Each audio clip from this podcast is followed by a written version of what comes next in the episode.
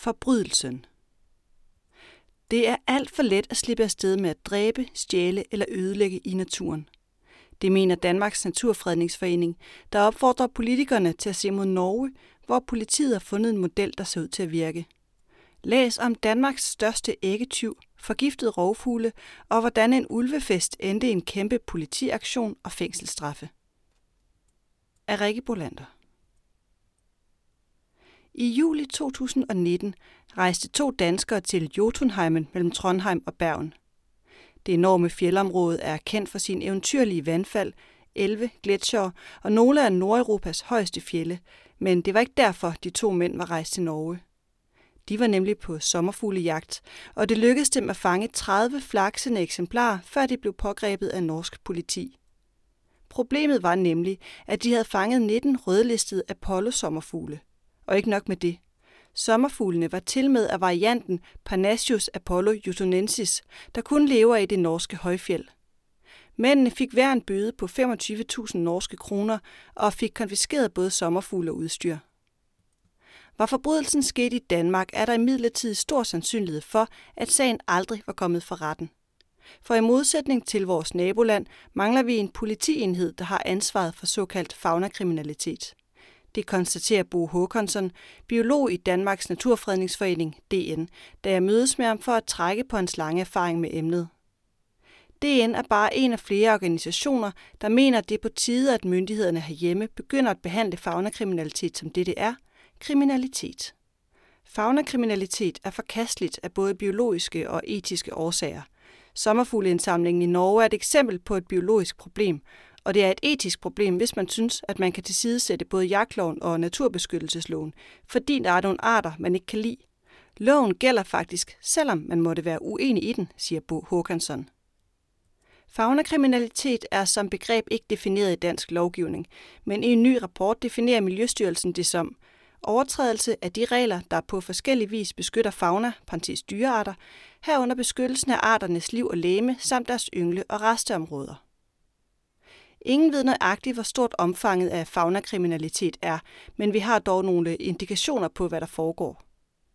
Dansk Ornitologisk Forening, DOF, har siden 2008 registreret sager om forgiftede fugle, og her lyder estimatet på minimum 66 drab på især rovfugle.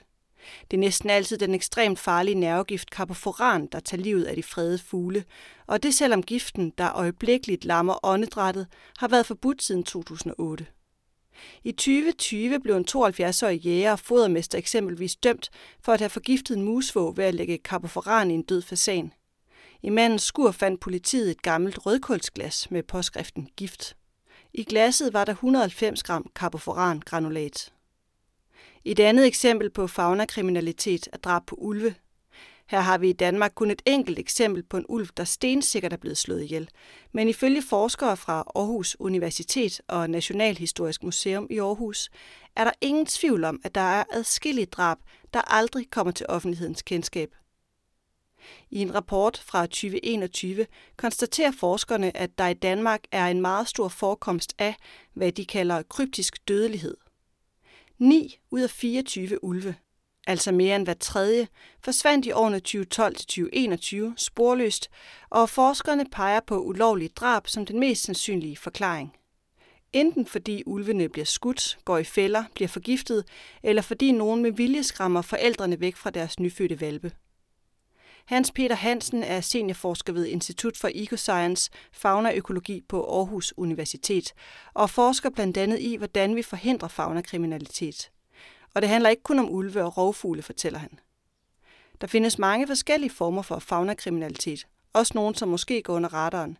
Det kan være ulovligt fiskeri, jagt og ulovlig regulering uden for sæsonen eller udsætning af ikke hjemmehørende arter, både under vand og på land. Det kan også være, hvis folk har klippet hegn op til dyreparker, hjortefarme og den slags, siger han. Motiverne kan være mange, fortæller Hans Peter Hansen. Et motiv var det, der drev de to danske mænd i Jotunheimen, nemlig samlermani. I det tilfælde var det sommerfugle, der var målet, men manien kan også handle om eksempelvis æg eller udstoppet fugle. Et andet motiv kan være, at man ønsker at beskytte sine egne muligheder for at gå på jagt. I forhold til ulven tror jeg, at et centralt motiv er konkurrencen om vildtet. Vi har fået en art, som ikke kun konkurrerer med jægerne om de mindre vildarter, men også det store hjortevildt, forklarer han. Også rovfugle kan blive betragtet som jagtkonkurrenter. En stor del af de forgiftede fugle er der også blevet fundet i nærheden af godser med fasanjagt, som den dræbte musvåg fra 2020. Og helt aktuelt er to personer ifølge Sydøstjyllands politi blevet tiltalt for at have forgiftet to rørhøge ved Tyrestrup gods.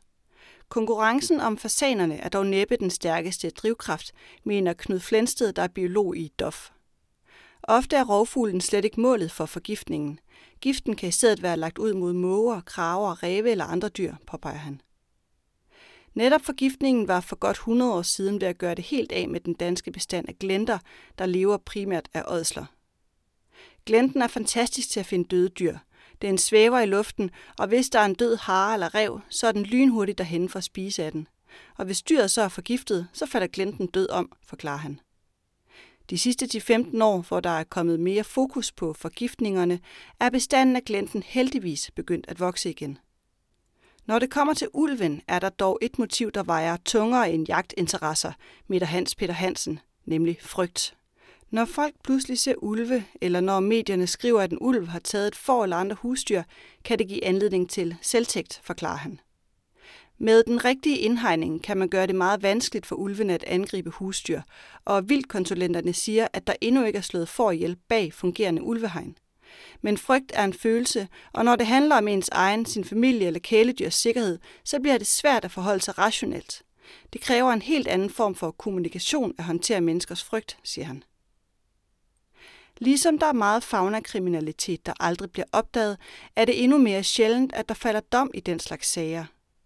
Da vestjyden Moritz Troldtoft i 2018 skød en ulv, der løb over en af hans marker, var det et rent tilfælde, at to naturentusiaster samtidig var i gang med at filme selv samme ulv. Det betød, at Troldtoft kunne idømmes 40 dages betinget fængsel og fik frataget sit jagttegn i to år. Ellers findes der kun meget få eksempler, hvor faunakriminalitet har ført til straf. De afhænger i høj grad af, hvorvidt en sag tilfældigvis havner hos en betjent, der brænder for naturen. Sådan en betjent var den nu pensionerede politiassistent Torsten Henrik Petersen. Hans kærlighed til naturen fik ham både valgt som lokalformand for DN i Køge og kostede skillige skideballer fra cheferne. For selvom han var ansat i drabsafdelingen i København, var forbrydelser mod naturen altid på hans radar, og han kørte gerne uden for sin egen kreds for at opklare dem. Hans mest celebre sag var, da han afslørede Danmarks historiens største sag om tyveri af æg fra sjældne fugle. Der var sådan en klikke med 10-15 ægsamlere. De var fuldstændig fanatiske med at samle æg, fortæller han, da jeg ringer og forstyrrer ham i hans otium. En af ægsamlerne hedder Henrik Lemvig, og han besøgte Torsten Henrik Petersen en dag i starten af 80'erne med en rentagningskendelse i hånden. Noget tid forinden var en rede med storkeæg blevet tømt, men det var nu ikke derfor, politiet havde lagt vangen forbi Henrik Lemvig, for pilen pegede på det tidspunkt mod nogle svenskere. Men da jeg så var ude at rense af hos ham, kunne jeg se hans dagbog, og jeg sagde, for fanden, det er jo dig, der har taget de storkeæg. Han er kendt af det hele, erindrer den pensionerede politimand. Og med den viden i baghovedet besøgte han så Lemvis ven, den kendte advokat og ven af kongehuset Rudolf Sand. I hans logbog så det umiddelbart ud som om, at alle hans æg var så gamle, at de ikke kunne føre til straf, men den naturelskende politiassistent lod sig ikke narre. Jeg tilbageførte datorerne med 10 år og sammenlignede det med Henrik Lemvis dagbog. Så kunne jeg se, at det i virkeligheden var året før, de havde været ude at samle, siger han og griner ved mindet. I 1983 fik Henrik Lemvig konfiskeret 800 æg og en bøde på 30.000 kroner. Resten af samlingen, der tæller mere end 22.000 æg, kunne politiet ikke bevise var ulovligt indsamlet, så den fik han lov at beholde. I juni 2022 donerede han i en alder 81 år hele samlingen til det Naturhistoriske Museum Naturama i Svendborg, da ingen i hans familie vil arve den. En del af samlingen kan for øvrigt ses på museet netop nu. Vil du vide mere? spørger Torsten Henrik Petersen og undrer sig lidt over min nysgerrighed i så gamle sager.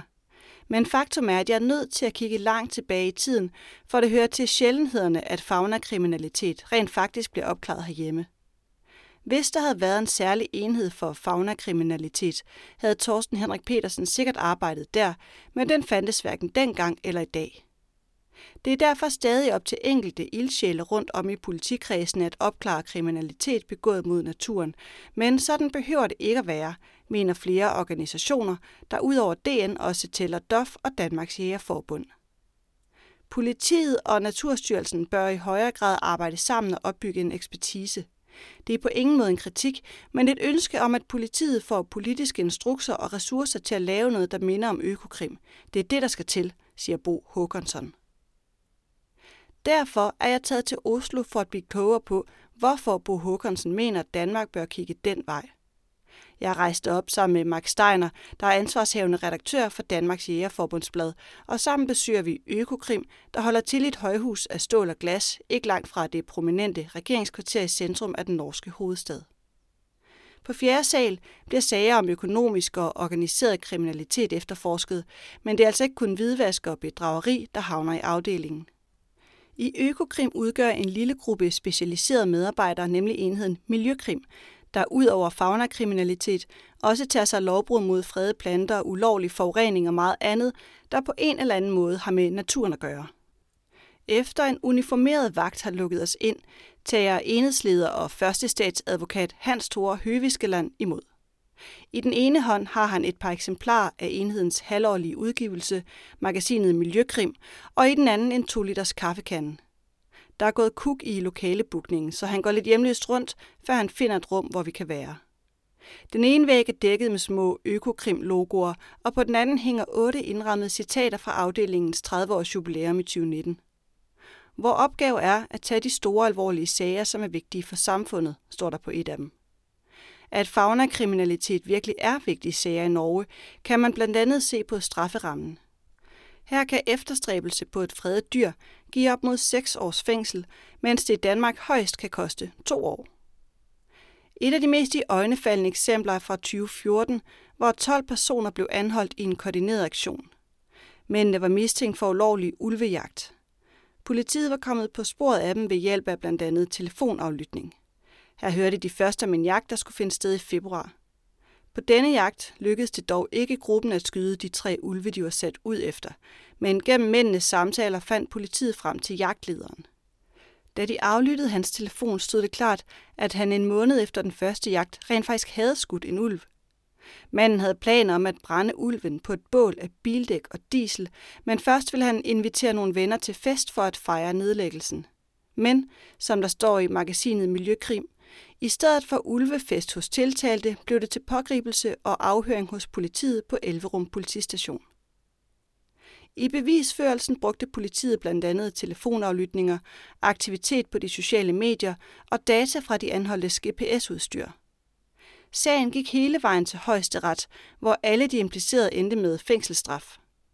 Den mand, der rent faktisk havde skudt en ulv, fik et års ubetinget fængsel, mens de andre fik ned til tre måneders fængsel for at have haft til hensigt at dræbe en truet dyreart. Og siden den meget omtalte sag har Norge faktisk oplevet et markant fald i den såkaldt kryptiske dødelighed af ulve, og på blot et par år blev antallet af ulve fordoblet i Norge. At de alle fik strenge straffe kan få betydning for fremtidige sager, fortæller Hans Tore Høviskeland. Det er en principiel sag, og derfor vil vi have straffen op, Ulven er fredet, og så er det en alvorlig miljøkriminalitet, siger han. Høje straffe er et vigtigt led i et forebyggende arbejde, fortæller Hans Thor Høviskeland, og nævner et nyligt eksempel, hvor 1200 æg fra hættemåger, der er udrydningstruet i Norge, blev ødelagt. Manden, der stod bag, erkendte kun at have ødelagt 30 æg og slap derfor med en bøde på 20.000 kroner. Og det mener jeg var en fejl, man skulle have fulgt op på en helt anden måde, siger han, med henvisning til, at det i dette tilfælde var det lokale politi, der håndterede sagen. Langt den meste fauna-kriminalitet sker i sagens natur langt fra Oslo, og det er der heller ikke kun Miljøkrimenhedens otte medarbejdere, der alene står med sagerne. I hvert af landets 12 politidistrikter er der en miljøkrimkoordinator, der i de fleste tilfælde har en særlig efteruddannelse i bekæmpelse af miljøkriminalitet. Der er desuden også miljøefterforskere i distrikterne. Miljøkrim arbejder dermed både med sine egne sager og bistår de lokale betjente med rådgivning eller mandskab. Fordelen ved vores enhed er, at vi arbejder tværfagligt og har rigtig mange års erfaring med de her sager, fortæller Høviskeland, der altså både er chef for politifolk, biologer, kemikere, økonomer og miljøjurister. Derudover har de mulighed for at trække på kollegaer i resten af Økokrim. I Danmark bliver de sager om faunakriminalitet, der rent faktisk kommer til politiets kendskab, behandlet lokalt. Der er dog tre såkaldte tungvogns- og dyrevelfærdscentre, der tager sig af sager om eksempelvis misrygte svin under transport. Koordinationen af de tre centre ligger i den landsdækkende enhed for dyrevelfærd og tungvogne, der er en del af Midt- og Vestjyllands politi. Her anerkender politidirektør Jørgen Bergen Skov, at sager om fagnakriminalitet indtil nu har været for lavt prioriteret. Derfor har anklagemyndigheden taget initiativ til, at der skal laves en ny fælles arbejdsgruppe, som skal ensarte sagsbehandlinger, beskrive efterforskningsmuligheder og gøre opmærksom på, hvad der findes af sagkyndige rundt omkring, siger han. Ambitionen er, at sager om fagnakriminalitet bliver håndteret ens over hele landet. Nogen central enhed som i Norge kan Jørgen Bergenskov dog ikke se behovet for. Vi tror mere på, at politikredsen, som kender området, og som kender de folk, der bor og agerer i det område, har en større chance for at opklare en sag, end nogen, der sidder langt væk og er gode til økonomisk kriminalitet, siger han. Tilbage i Norge kan enhedslederen for Miljøkrim sagtens følge sin danske kollegas pointe, og de nyder da også ofte godt af samarbejdet med politiet ude i landet, der netop kender til de særlige lokale forhold. Men udover tværfagligheden og den ekspertise, folkene i Miljøkrimenheden har oparbejdet, så er der også en anden fordel ved en central enhed, mener Hans Thor Høviskeland. I sager om ulovlig aflivning af ulv for eksempel, kan det være en fordel at trække sagerne væk fra det lokale politi. Det gjorde vi også i ulvesagen, siger han med henvisning til sagen fra 2014. På den måde undgår de dels inhabilitet i små samfund, hvor alle kender alle, og de hjælper også de lokale betjente med ikke at stå i midten af en ophidset debat mellem ulvehadere og ulveelskere.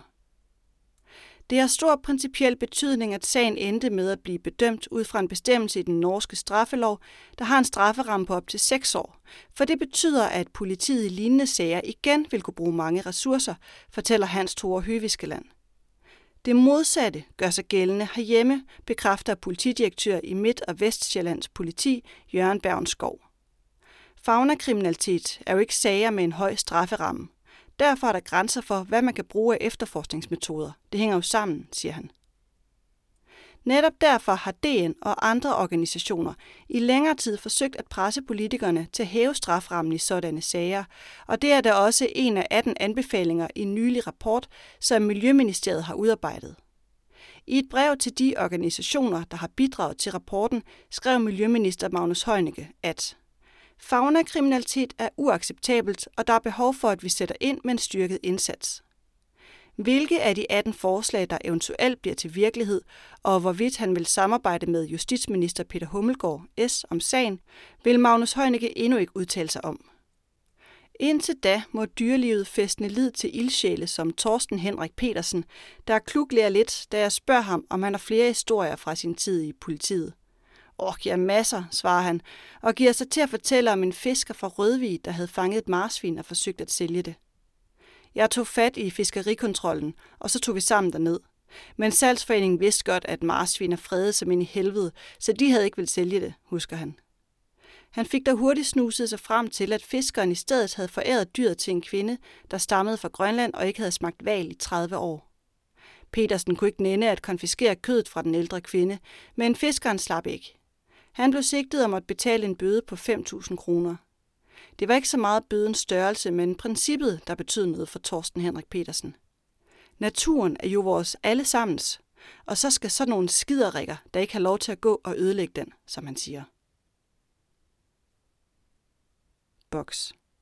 Behov for øget fokus på fagnakriminalitet. En række grønne organisationer, heriblandt Danmarks Jægerforbund, DJ, og Danmarks Naturfredningsforening, DN, ønsker et større politisk fokus på fauna-kriminalitet. Organisationerne mener, at der skal sættes flere ressourcer af til at styrke og specialisere politiets efterforskning. Straframmen skal udnyttes bedre, og ministerierne skal samarbejde på tværs. Organisationerne opfordrer politikerne til at hente inspiration i Norge, hvor den specialiserede politienhed, kaldet Økokrim, varetager sager om fauna-kriminalitet. Et afgørende element er at etablere et samarbejde mellem relevante danske myndigheder, så den nuværende silotænkning elimineres, og der bliver skabt reelle resultater. Fakta. Hvad er faunakriminalitet? Overtrædelser af de regler, der på forskellig vis beskytter fauna, parentes dyrearter, herunder beskyttelsen af arternes liv og læme, samt deres yngle- og resteområder. Miljøstyrelsens definition. Siden 2008 har Dansk Ornitologisk Forening registreret sager om forgiftede fugle. De estimerer, at der har været 66 drab på især rovfugle. Det er næsten altid den ekstremt farlige nervegift carboforan, der tager livet af de fredede fugle. I Danmark ses en meget stor forekomst af såkaldt kryptisk dødelighed blandt ulve. 9 ud af 24 ulve forsvandt i årene 2012-2021 sporløst, og forskerne peger på ulovligt drab som den mest sandsynlige forklaring. Siden en meget omtalt ulvesag, der gav fængselsstraf til flere personer, har Norge oplevet et markant fald i den såkaldt kryptiske dødelighed blandt ulve. På blot et par år blev antallet af ulve fordoblet i Norge.